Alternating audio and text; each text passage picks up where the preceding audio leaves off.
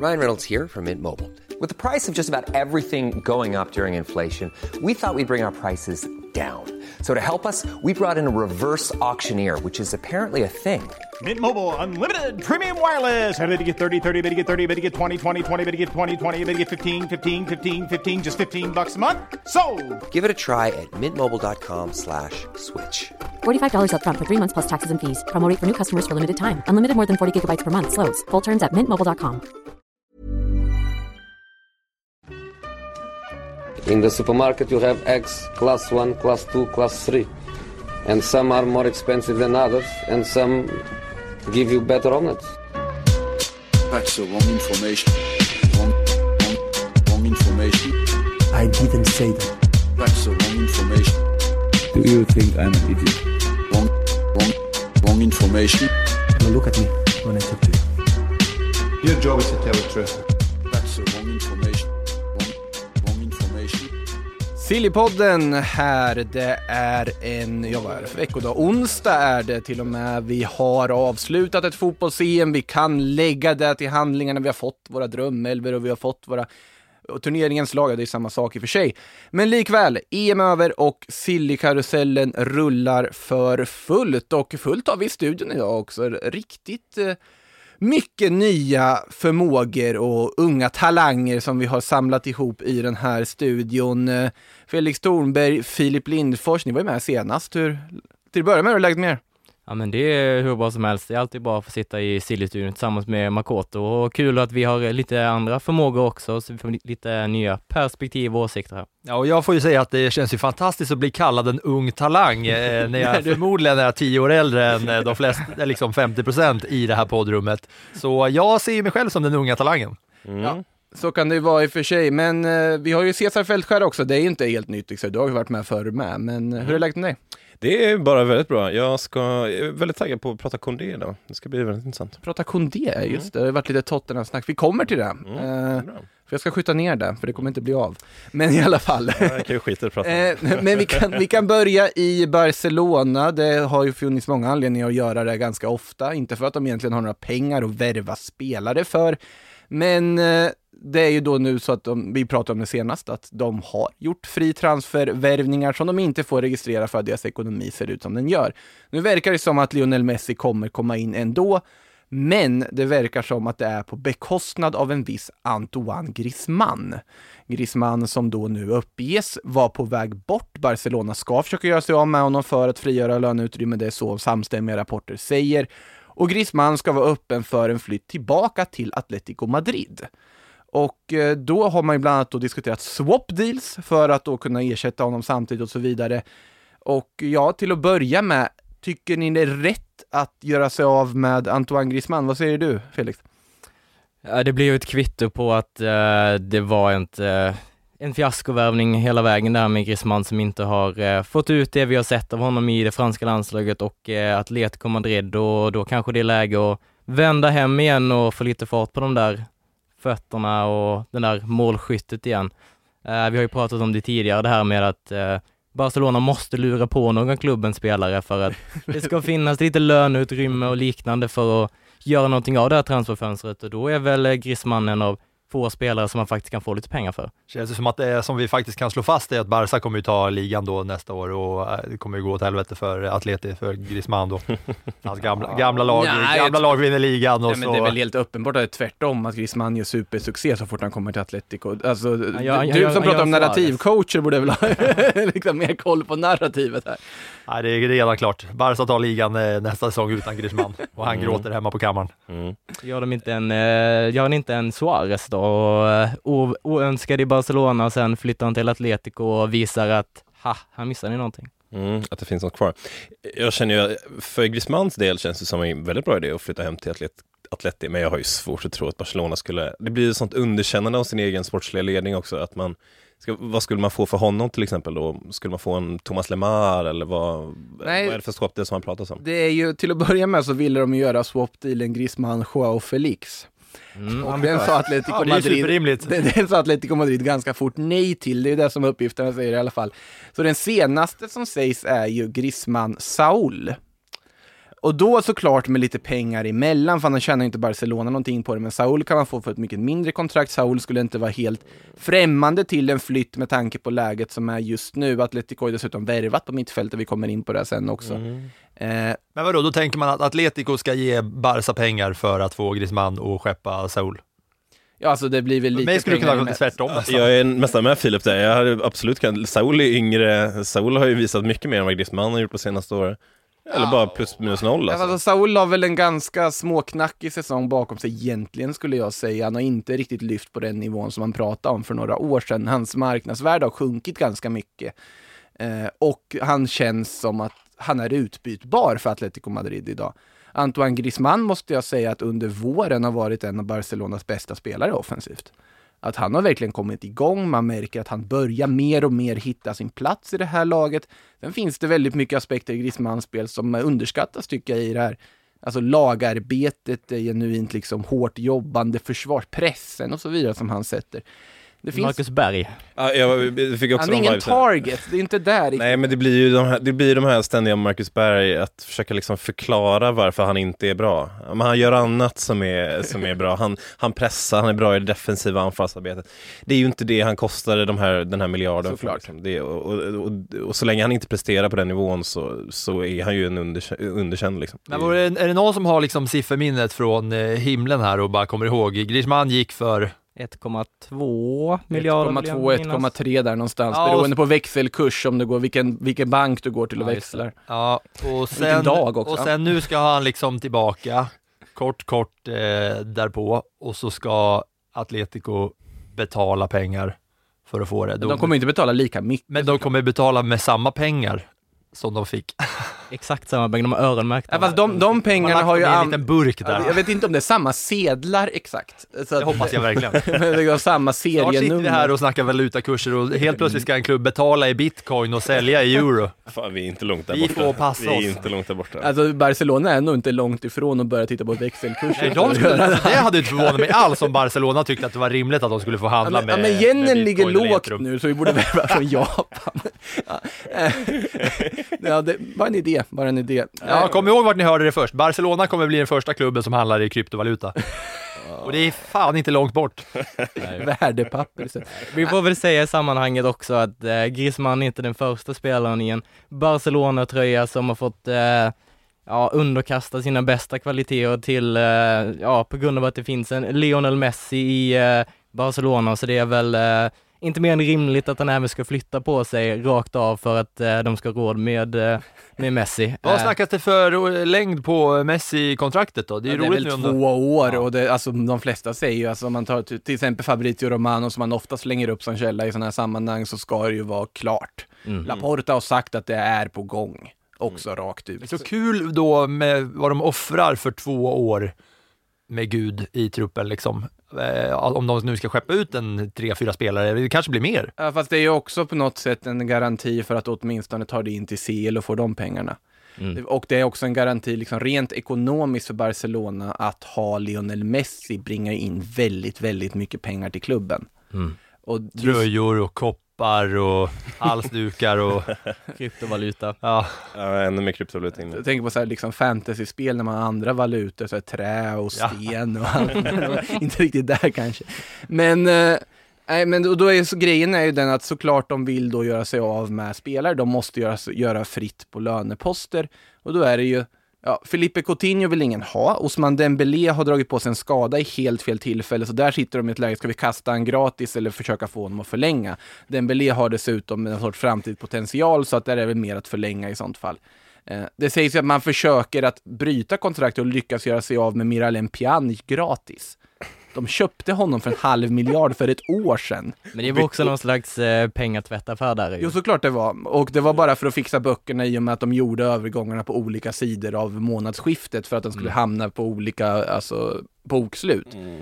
Nu, nu kommer de ju, de kan inte riktigt gå runt på samma sätt mer, men de måste frigöra kapital och utrymme för att kunna registrera värvningar de har gjort och få in Messi. Den situationen är samma.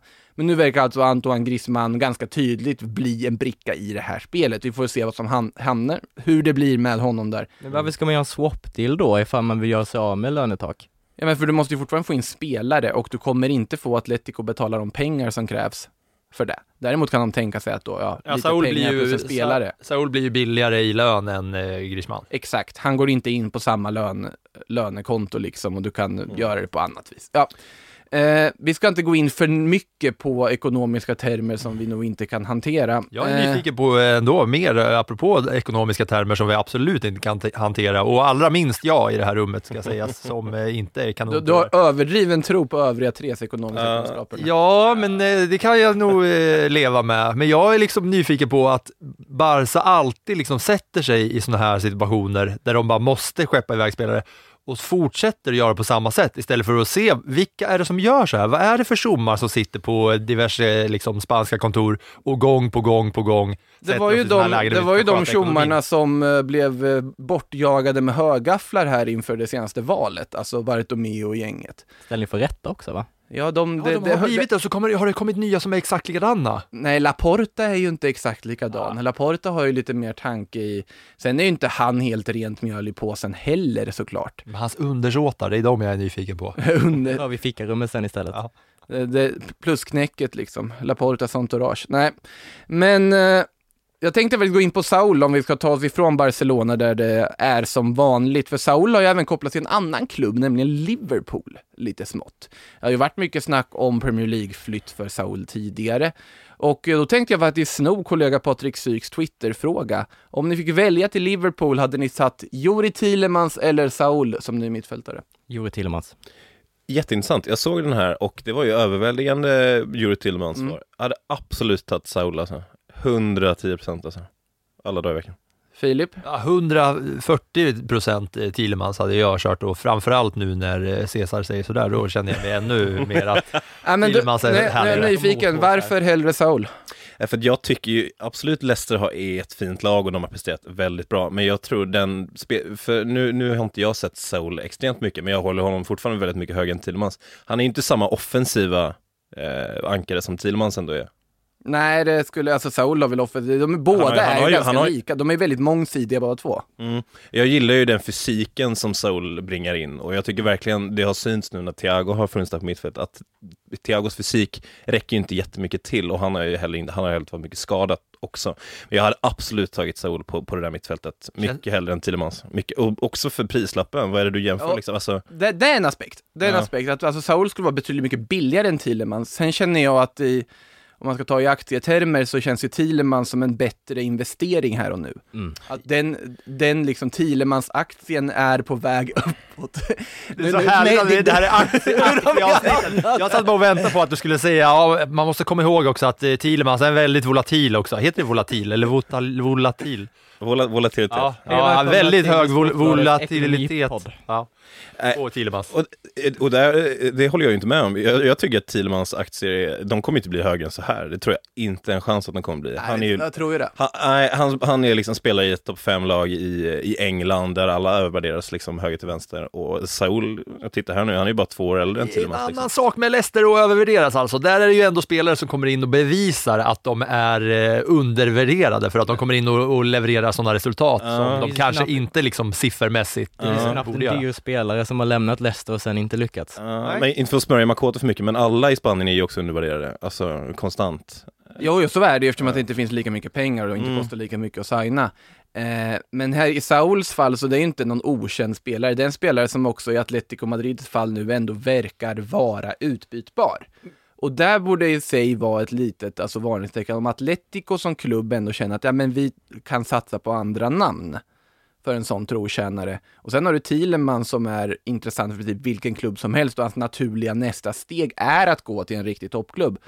Då tycker jag att det finns mer att hämta i Thielemann som också dessutom jag, jag skäms nästan att jag har kommit till pos- positionen jag använder det här argumentet. Men han kan Premier League. Han har jag, ville, jag ville precis komma dit och eh, åt, åter, återgå till Syks Twitterflöde och alla de här som har, har då eh, valt Thielemann som är Liverpool-supportrar. Mm. Jag tror ju att 99% av eh, de svaren är baserade på att de känner till, Kan ligan. att de känner till ligan. Soul Att- who? Inte att Thielemans kan ligan, utan att de som har svarat kan ligan. Kan ligan. det, det, är Därför. det är kunna det. Någon som, ja han kan ju typ ligan också faktiskt, bara att man kanske inte minns det riktigt.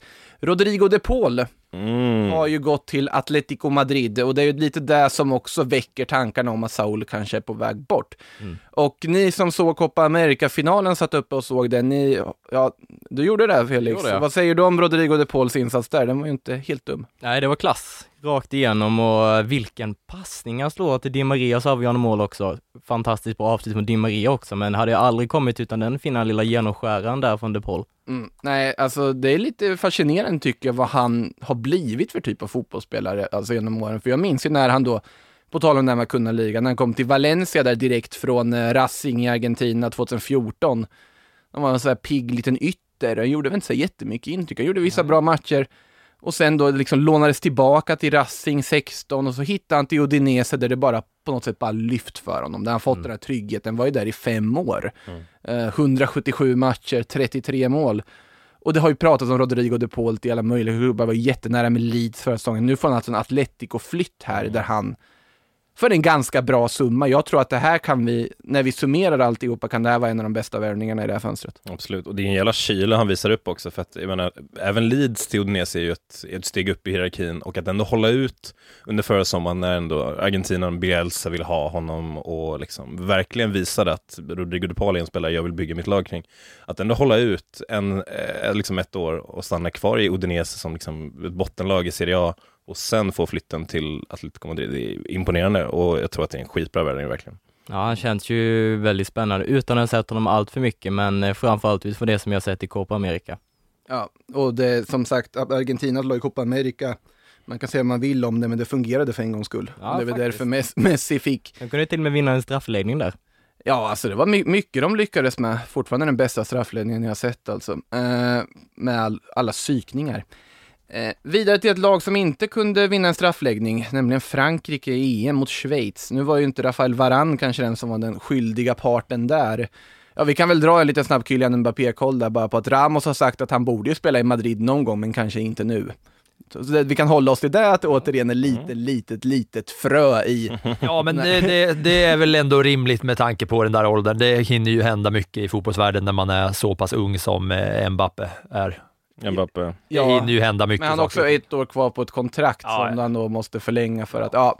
Vi, vi får se, jag tror fortfarande att det kan hända någonting i den där historien. Jag men- tror Mbappé spelar i Real Madrid samtidigt som kryptovaluta används av mellanklubbar.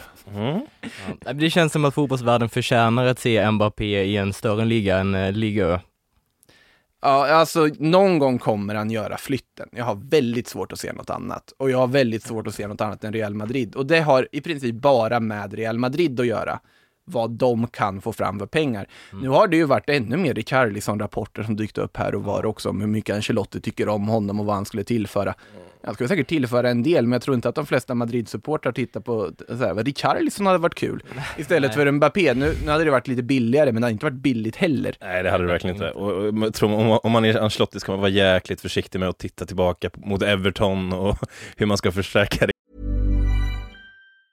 When you're ready to pop the question, the last thing you want to do is second guess the ring. At Bluenile.com, you can design a one of a kind ring with the ease and convenience of shopping online. Choose your diamond and setting. When you find the one, you'll get it delivered right to your door. Go to Bluenile.com and use promo code LISTEN to get $50 off your purchase of $500 or more. That's code LISTEN at Bluenile.com for $50 off your purchase.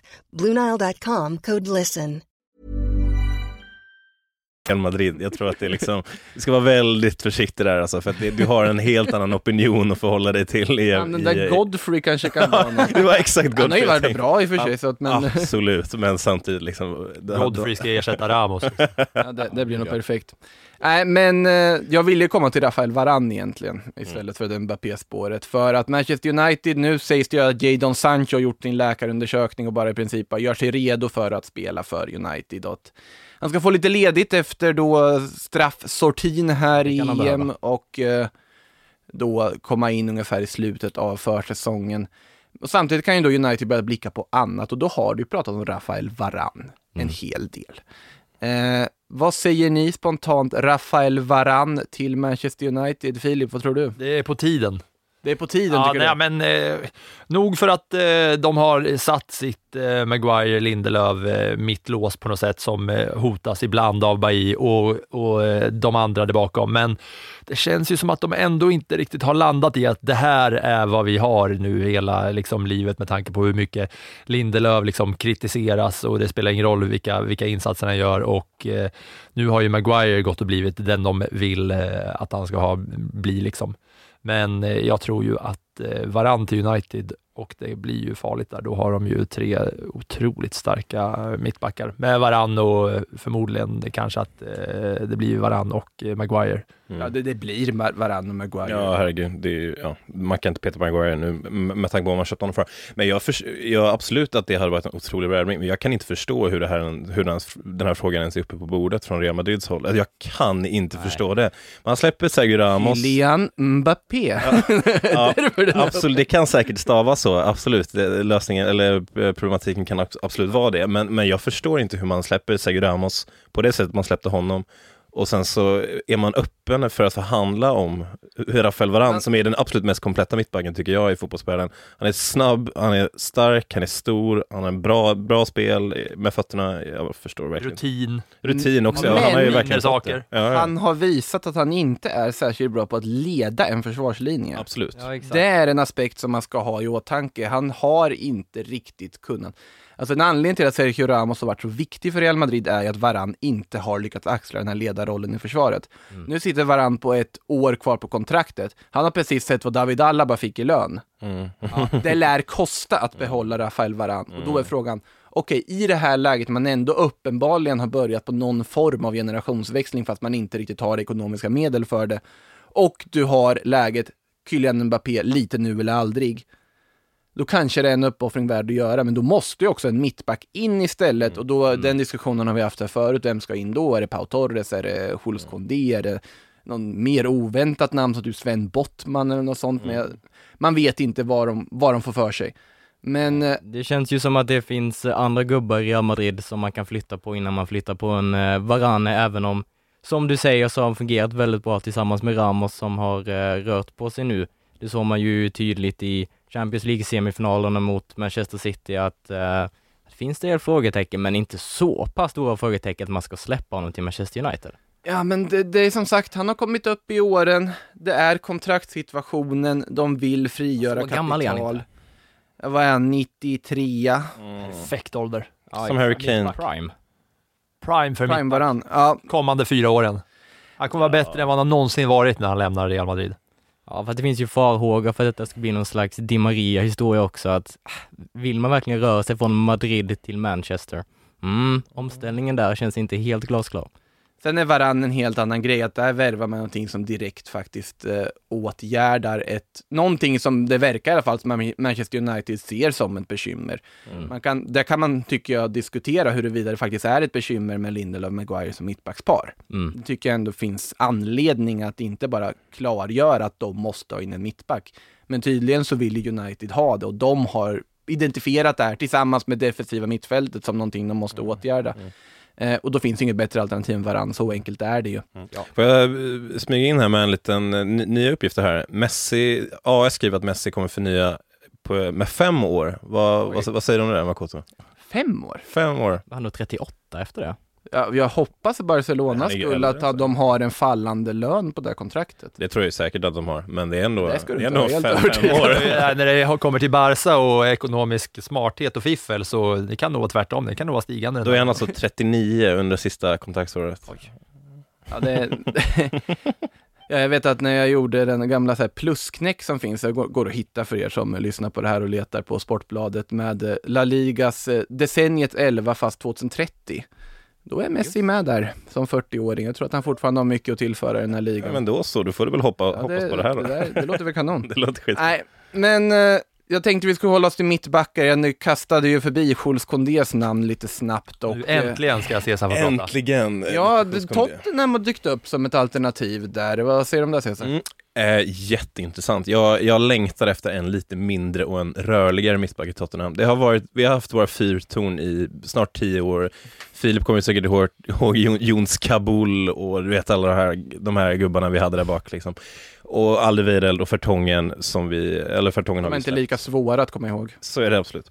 Men jag är ju skitsugen på Kondé och det, har, jag har ju frågat dig rätt mycket utanför podden också om Kondé och varit lite, lite sugen och nyfiken på honom. Men, men det jag själv har sett i Champions League då framförallt är ju en u- liten, en rörlig mittback. Så liten är han inte, men i psykmat är han liten möjligtvis. Han, han är en mittback som kan, alltså, som kan göra mål på att ta bollen vid mittplan och sen väggspela sig fram till ett friläge. Mm. Det är inte vanligt att se den typen av mittback. Han har varit helt strålande. Någon slags spansk variant på Mats Hummels.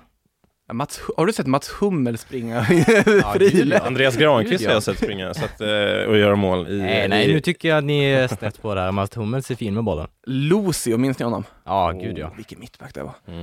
Eh, Men, men eh, sen kom det även uppgift igår att Jos Kondé eh, väntar lite.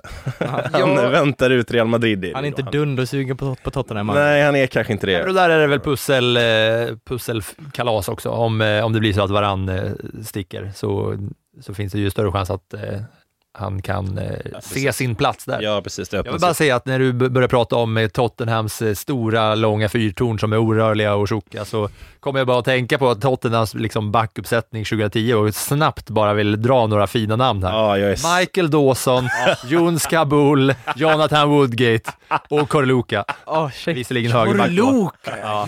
Vi, du, vi har haft så många, Vlad Ja. Kirices kommer ni kanske ihåg också? Ja, Rumänen. Lars gick till. Napoli sen ja. Och Ja, och, och är rätt bra i Sassuolo nu, så att eh, det är rätt sjukt. det, det, Ja, det var riktigt, Han, han var jättesnabb på Fifa, men inte så snabb verkligheten. nej. riktigt stark backuppsättning där också. Ja. Missade Sebastian Bassong också. Det var också en riktig klump. bassängen. Ja.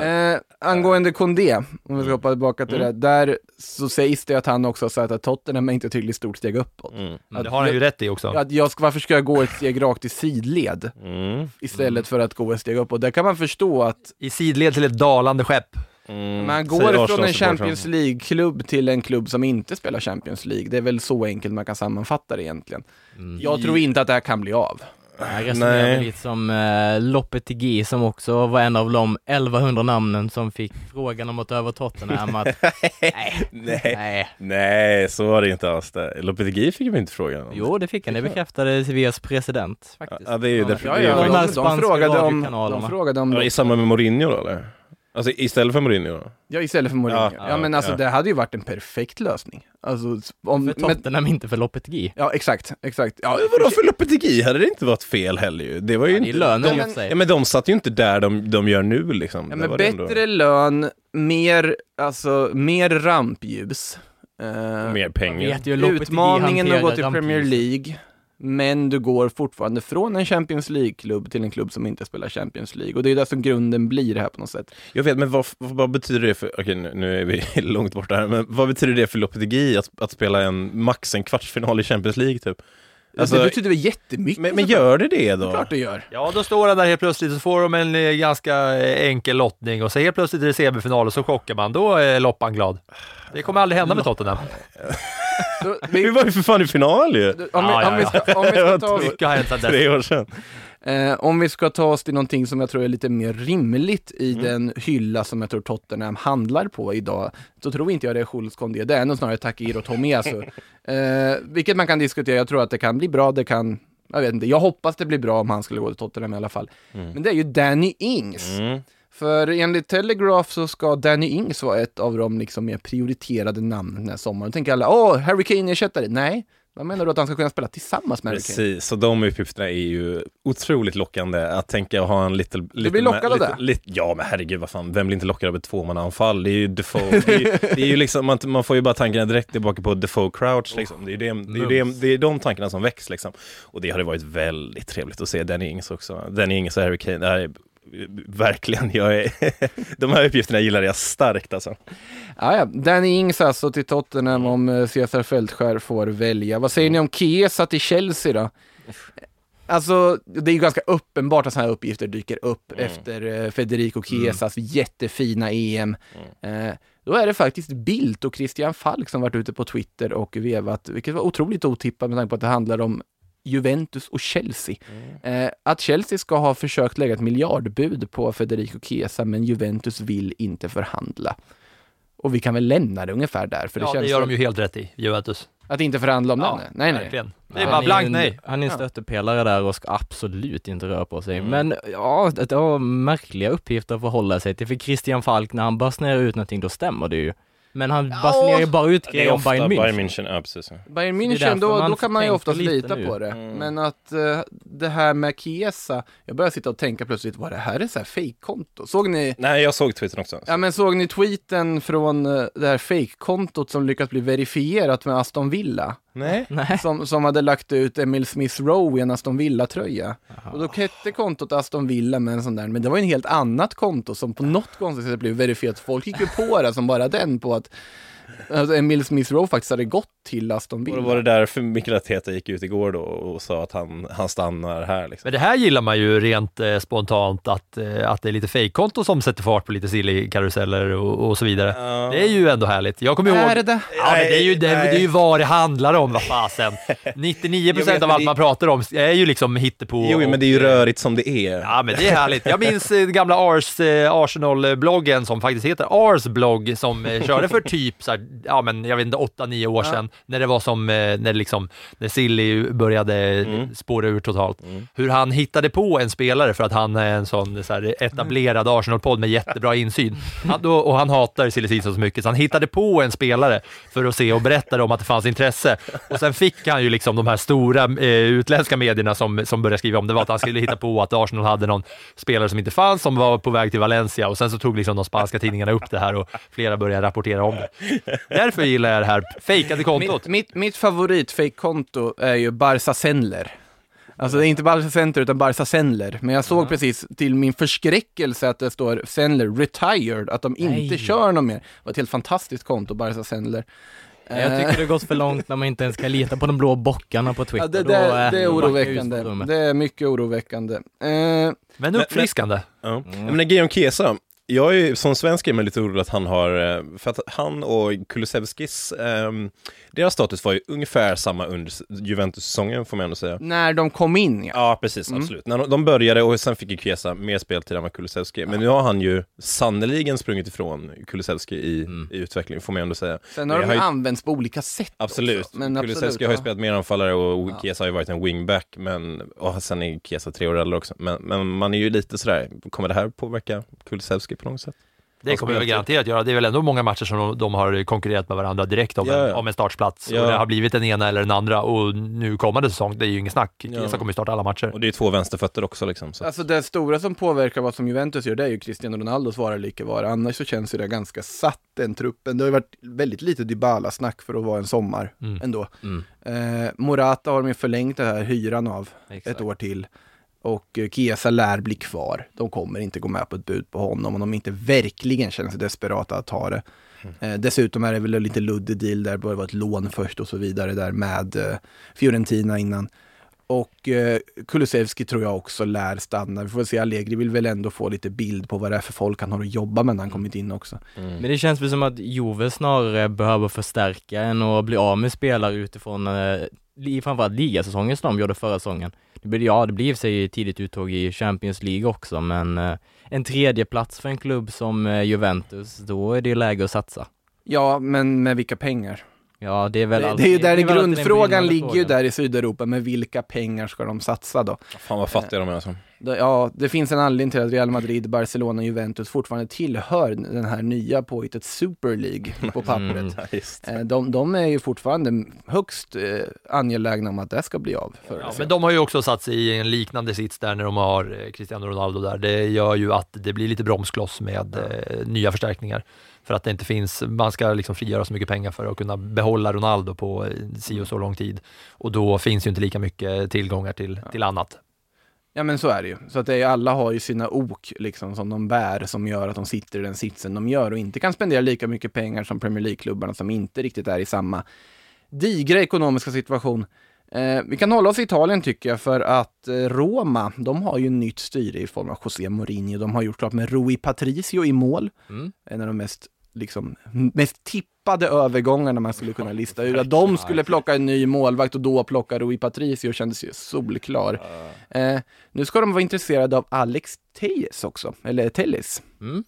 Eh, det låter väl inte helt dumt, men det är väl då som ersättare för Spinazzola som är skadad. Ja, exakt. De behövde ju agera där utifrån den eh, hälsenan som han drog av där i EM och då är väl eh, Alex Tejes en eh, gubbe som borde vara tillgänglig på en transfermarknad utifrån hur han har presterat och det förtroendet han har fått i Manchester United sedan han slöt dit och också med tanke på säsongen och EM som Luke Shaw gjorde. Mm. Sen tror inte jag att Te- Tejes är någon sorts ersättare för Spinazzola i ett år. Utan jag tror snarare att, det, alltså att Spinazzola är på väg bort från, från Roma och att Telles då skulle kunna vara en ersättare till honom på lång, på lång sikt. Jag tror inte att det här... Ja, det är sant. Man plockar, alltså, om, man, om man ska ersätta Spinazzola ett år så plockar man in en vänsterback från liksom Kievo. Då plockar man ju inte in Telles. Man tar ett lån och betalar man- halva. Vad gör David Santon nu för tiden? Ja, just det. Ja, den är ju hundraprocentig. Det, det är lite så, ja, precis. Men eh, det påverkar ju också med svenska ögon. Var, Vi har ju en svensk målvakt där i eh, Roma. Jag Som, tänker på Robin Olsen antar Är jag. han fjärde gubbe nu eller? Ja, det är väl klart Efter, Jag efter Paolo Lopez och sen Mirante, Rui Patricio. Rui Patricio. Det har Både fjärde. Mirante och Paolo Lopez kvar fortfarande. Ja, det tror jag. Mirante är ju fan, han är ju typ målvaktstränare också. Han är 140 år gammal. Ja, han är ju otroligt gammal. Så, så absolut, det, det påverkar ju Paolo honom. Lopez har gått till Marseille på lån. Ja, men då så. Då är det trea ju. Ja, kul! Ja. Vägen är öppen. Och Mirante har lagt av, då är han två helt plötsligt. Nu, nu, nu, börjar, nu börjar det lyfta sig. Nej, Ja. men han lär ju flytta på sig någonstans. måste vet, men ha, vad har det det, är så pratats om? det är så tyst. Ja, det, det är det som är... Jag Det har ser- varit lite prat om vissa klubbar, men jag tror att det där är någonting som kommer dyka Men om upp vad, liksom? mer i, Real Sociedad var det snack om, men de plockar ju Matt Ryan istället. Ja, exakt. Ja, som de presenterade med The Signing Private Ryan och Ja. en bild på Oj, Twitter. wow! Det här gillar jag! Jäklar, fint! Ja, det var Kul! Signing Private Ryan också, Private inte Ryan. saving. Eh, det lyckades de med. Jag. Superaktuell James film. Rodriguez, James Rodriguez. My name is Bond, James Rodriguez. ja. Just det, så Den var det. Gamla klassiska eh, tidningsrubriken från VM 2014. Just det. Eh, vi kan hålla oss till en svensk tycker jag, för Karl Starfelt är på väg till Skottland. Mm. Han ska till Celtic från eh, Ryssland. Det var ju en spelare som många, många lite ut, utifrån sa, men varför kommer inte han in i landslaget och får spela? Nu gick, funkar i landslagsförsvaret ganska bra ändå. Mm. Men eh, Starfelt, spännande spelare nu, alltså till Celtic. Spontan reaktion på det? Skitbra. Uh, Celtic har ju visat sig vara en språngbräda in till Premier League och, och där vill vi ha fler svenskar, fler svenska mittbackar gärna. Så att, eh, jag tror att det är ett skitbra steg. Nu var det ju, kom det lite uppgifter från Expressen också att de hade, IFK Göteborg har 10% eh, återförsäljningsklausul. Eller vidareförsäljningsklausul. Fem miljoner in i kassan då? Precis, fem miljoner in. Så att, eh, det är ju vä- välkomna pengar för, för IFK Göteborg sannoliken. Eh, och sen tror jag att, jag tror att det är en jättebra, det, man, får ett annat, man får ett annat spotlight på sig till Celtic. Även om, även om den skotska ligan inte är så stor så är ändå Celtic ett lag som spelar mycket i Europa. Och jag tror att det kan vara skitbra för Starfelt, verkligen. Det är ändå två matcher varje år som folk bryr sig om i skotska ligan. Jo, men det är också två mer än i Rubin Kazan. Liksom. Ja, Mittbacksduellen, Helander mot Starfelt. Ja. Oj, oj, oj, shit, det pirrar ju till. Mm. Nej, men eh, Celtic är ju en bevisad eh, svensk klubb, så det är bara till att köra tycker jag. Mm. Eh, innan vi kilar över på lite frågor så, eh, för ni har kommit med en massa frågor, våra kära lyssnare. Så Joao Mario, det var ett namn man inte sett på länge, men du hade sett någonting där Felix, har hänt någonting med Inter som inte längre, det var ju länge sedan han var i Inter liksom, men Mm. vad är det som pågår där? Ja, nej, vi har ju fått eh, sommarens eh, stökigaste övergång här presenterad från, eh, från ingenstans. Oj. Det var ju som så att eh, Joao Mario, han gjorde ju ett fint eh, EM för Portugal 2016 och tog sedan steget från Sporting Lissabon till eh, Inter där, eh, ja, snällt sagt han inte fick det att, att flyga på allvar där. Men eh, tydligen så ska Sporting Lissabon då ha haft någon slags inskriven klausul i det där kontraktet som gjorde gällande att ifall Inter skulle sälja Joao Mario till en annan portugisisk klubb, då behövde Inter punga upp 300 miljoner till till Sporting Lissabon. Och det som har hänt nu, det är att Joao Mario har varit utlånad till Sporting Lissabon den här säsongen ifrån Inter. Eh, och gjort väldigt tydligt att eh, han vill inte vara kvar i klubben och klubben vill Mm. absolut inte ha kvar honom heller. Jag tror han gjorde två mål på 28 matcher i Sporting Lissabon den här säsongen och när han då Det är skulle riktigt flytta trött statistik. Det är liksom Ja. sämre det statistik är än någonstans- den här fem, 15 matcher och noll mål. Då känns det som att ah, men han var inne och petade lite. Ja, exakt. 28-2, den är jobbig. Det känns så jävla härligt att han inte vill vara kvar i Inter och Inter vill absolut inte ha kvar honom. Jag gillar när, men han Gillar hade ju ett deppigt lån i West Ham, hade han inte det Ja, jo, han har varit i Eh, Lokomotiv Moskva och snurrat. Ja, det har han varit också. Ja, men det som har hänt nu i alla fall, det är att eh, Inter har gjort sig av med Jean Mario och eh, han ville till Benfica. oj, oj, oj, säger vi då. Men då hade ju Sporting den här klausulen, vilket jo- gjorde att de skulle ha rätt till de här Mm. extra 300 miljoner kronorna. Övergångssumma som det snackades om till Benfica, 75 miljoner kronor. Så då, då gjorde Inter helt sonika så att de, de rev kontraktet så att han var free agent och så kunde han ansluta gratis till Benfica. En riktig fuling har vi till att göra Ah. Så med de, här. de rev kontraktet istället, sket i de 75 miljonerna och så fick han gå till Benfica. Exakt, exakt. Och det som har hänt nu, det är att Sporting Lissabon, de är ju av förklarliga skäl lack på det hela. Så de har gått ut med ett officiellt eh, uttalande på sina kanaler och sagt att de ska stämma Inter.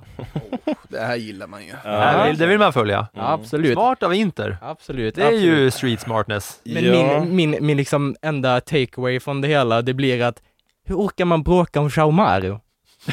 Ja, men, men Sportings fattar jag ju, de har ju... De Ja, ja, ja, in, liksom. absolut. Ju- Men att det ska bli så jobbigt för en spelare av Ja. den kalibern. Nej, absolut. Eh, Jag eh, kommer till minnes, minns ni när, eh, när, atlet, när Benfica förlängde kontraktet med Victor Lindelöf Mm. och den här vidareförsäljningsklausulen som Västerås hade. Ah. Att de var ju uppe i Europadomstol och, Mm. och så här.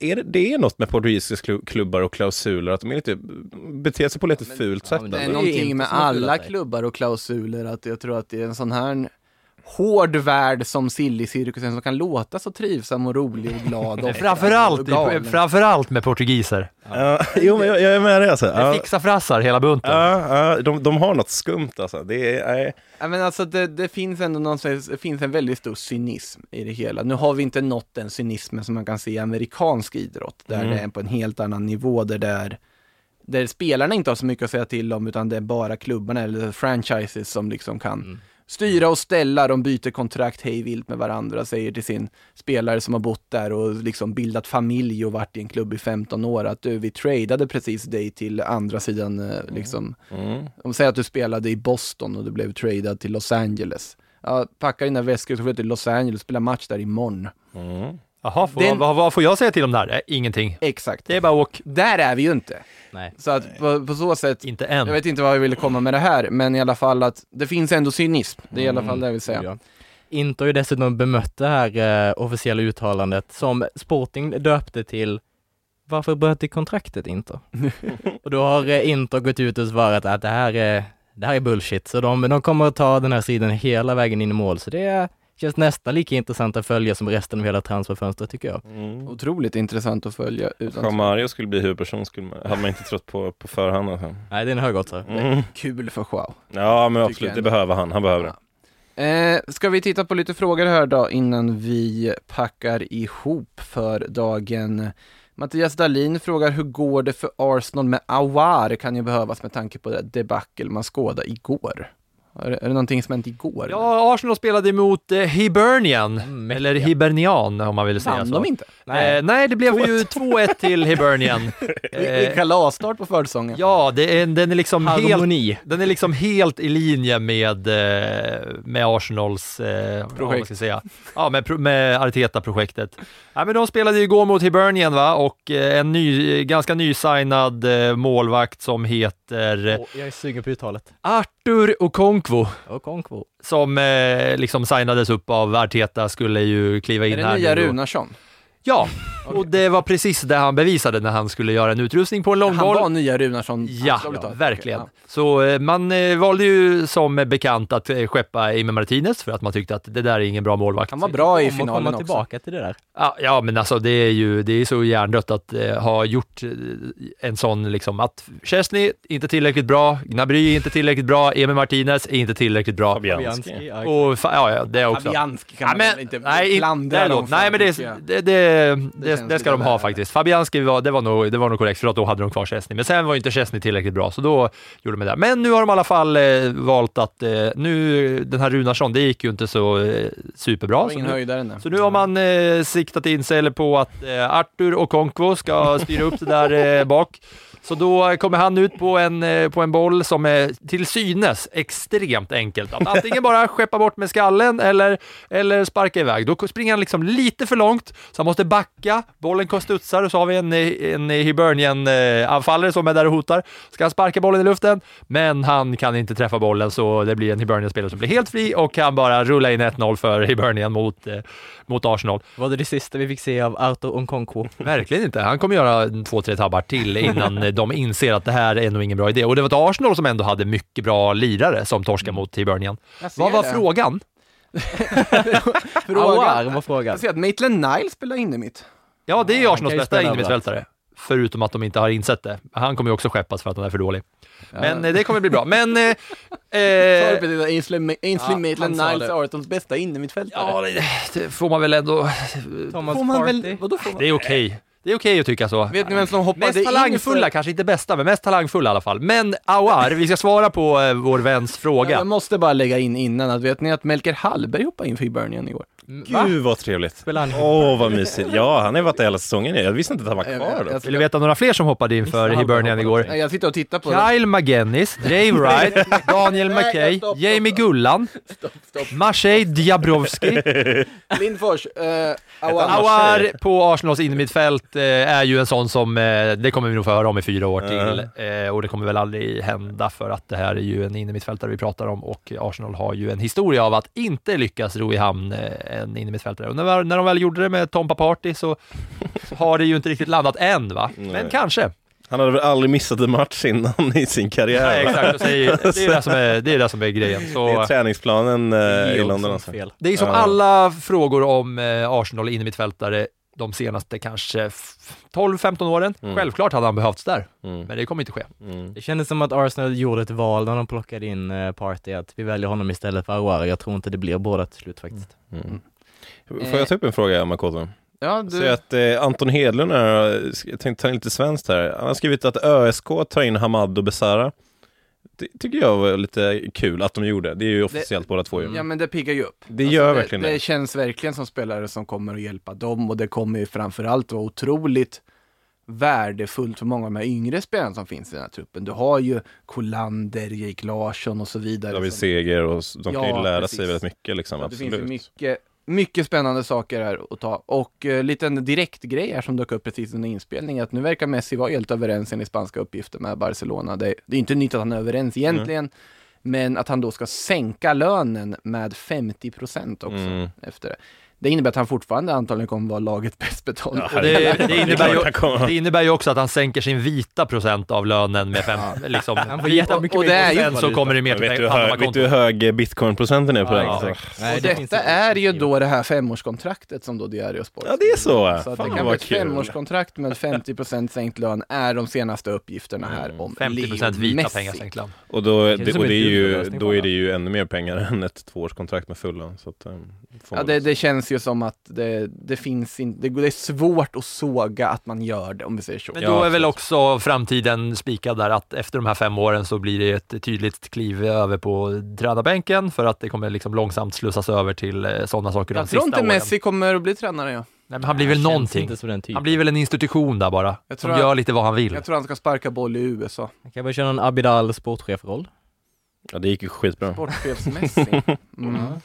Jag vet alltså det är ganska svårt att så här, placera om, om man ska ta den. Agent. lite Jag tror att det blir en gudroll bara. Han går omkring, gör lite vad han vill, pratar med lite folk så känner de sig... Alltså för Gerard, Gerard Piqué är ju spelaren som ska bli, alltså kommer bli president för Barcelona. Ja, det tror jag. Han kommer bli president, alltså han, kom- han är ju ordförandepost, det, det finns, det är ganska Ja. tydligt tycker jag det Hans känns som. katalanska kopplingar och så vidare. Ja men och hans, ja men sättet han är på, det känns som att han, Business. han kommer bli ordförande i Barcelona förr eller senare. Tror Mm. jag i alla fall. Mm. Xavi kommer bli tränare i Barcelona förr eller Mm. senare. Mm. Vad kommer Messi bli? Den, den frågan är ganska intressant. Men nu, nu får vi väl vänta fem år innan vi B-lagstränare kanske? Han får eh, leda de guidade turerna på Barcelonas museum och göra lite eh, tricks. Mm. Köra lite typ någon cirkuselefant. Mm.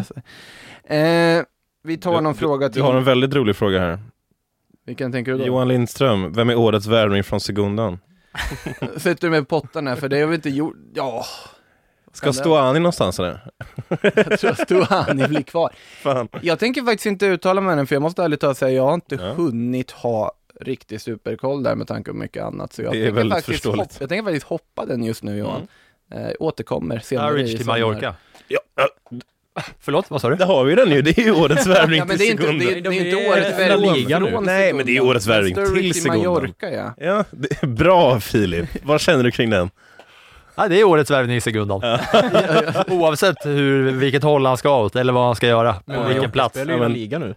Förlåt? Mallorca spelar ju i La Liga. Gick de upp Ja, igen precis, eller? de gick upp. Ja men vad fan, ja då följer det. Jag följde. Men, Det har väl inte börjat, med det har väl i- inte börjat där, rent eh, på pappret till- tillhör de väl Ja, till fast de har säsongen ja, det är börjar. sant. Men det är som när man spelar FM när man startar en ny säsong. Nej, då blir det ju alltid så att det laddar spelet och sen så plötsligt Ja. har alla lag Mm. flyttat och har noll i tabellen. Vi har väl passerat det här stadiet.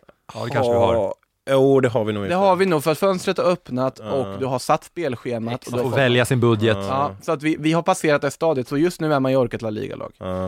Eh, Kommer han hänga mycket i Magaluf, tror ni? Ja, Vad är han oddsen på kommer- det? Han kommer krypa längs eh, bargatorna där med sina brittiska polare. Alltså garanterat att det kommer ske.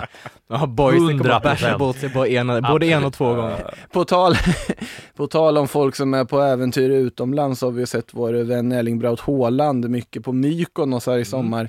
Eh, och då, En övergång på gång. Nej, och då går jag in på frågan från VGS här. City Striker sommar, hur kommer den sluta och vem står på anfallarpositionen i början av säsongen? Jag tror inte det är Erling Braut Haaland, men Riyad Mahrez var ju där i alla fall, på Mykonos. Ja. Eh, Ja, han kanske jobbar lite en- insider. Som en rappare eller vad var det? Nej, det var Erling Haalands eh, klädsel när han var på Mykonos. Ja, ah, det var så det var. fast, var en vem, VG-expert som sa det. Aha, ja.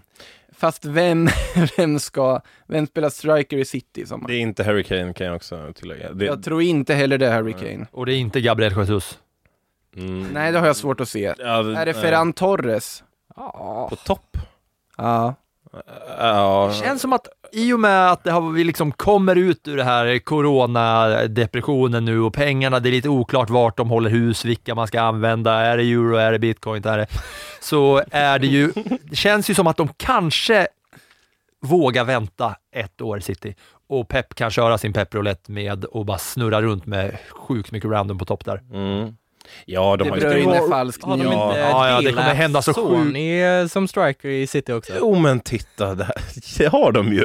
Alltså, det Jag tror att det kommer hända så sjuka grejer i Citys anfall. Eh, De kommer inte plocka in någon, men vi kommer få se så konstiga val där uppe och det kommer funka kanon. Ja, fullkomligt Ja. faktiskt. Och så Vi har- man ju Jesus i värsta fall Ett också. namn vi kan slänga in där är egentligen Robert Lewandowski. Ja, men jag ser inte det hända. Inte nu. Tror du det? Jag tror inte det. Alltså jag, Nej, jag det- brukar, i tanke på hur fönstren ser ut idag så brukar oftast förhandstipsen från mig vara ganska så här återhållsamma med de stannar snarare än de går. Mm. Men jag hade inte varit förvånad om Robert Lewandowski startar anfallare i Manchester City nästa säsong. Om Det det, blir så så kan det ju, kommer det ju inte vara helt random vilka som spelar uppe. Det kan vi slå fast i alla fall. Nej, nej då, då kommer de inte rotera runt på den positionen i Nej. alla fall. Det, men man, ska all, man vet aldrig med Pep Guardiola heller. Historia med Pep också. Nej, det skulle, det skulle ju faktiskt inte förvåna någon om de plockar in Lewandowski och så petas han för, till förmån för Ferran Torres och sen får Lewandowski komma in och spela på liksom vänsterkanten. Vänsterback. Ja. Ja, det, det finns alternativ. En klubb som City kan ju värva det mesta de har lust att värva. Oftast i alla fall, och kanske inte Harry Kane. Jag tror inte att den går igenom fortfarande. Nej, det, kommer ju, det är ju mer och mer snack om att Kane eh, kommer stanna från alla håll och kanter.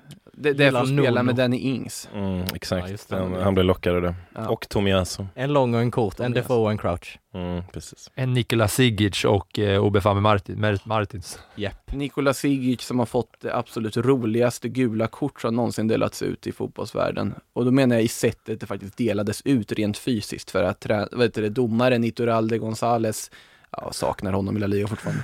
Han stod verkligen upp med kortet i över 10 sekunder, helt still som en staty. Ni, ni kan leta upp det, här gula kortet på Zigic, det är helt fantastiskt. Han bara står där med kortet. Liksom. En tydlig står och markering. prata med han säger inte ett ord, han bara står. Eh, Iturralde, jag tycker vi slutar med Iturralde, och eh, för att, eh, varför inte? Med det sagt, eh, jättekul att ha er här inne. Sillypodden, den fortsätter rulla på här under sommaren. Snart kommer väl flödet byta namn till Sillypodden igen också när den riktiga EM-hetsen verkligen har lagt sig på allvar. Men med det sagt så får ni ha en fortsatt trevlig dag och återhörande helt enkelt. Tack och hej då! I didn't say that. That's the wrong information. Do you think I'm an idiot? Wrong, wrong, wrong information. Now look at me when I to you. Your job is to tell the truth.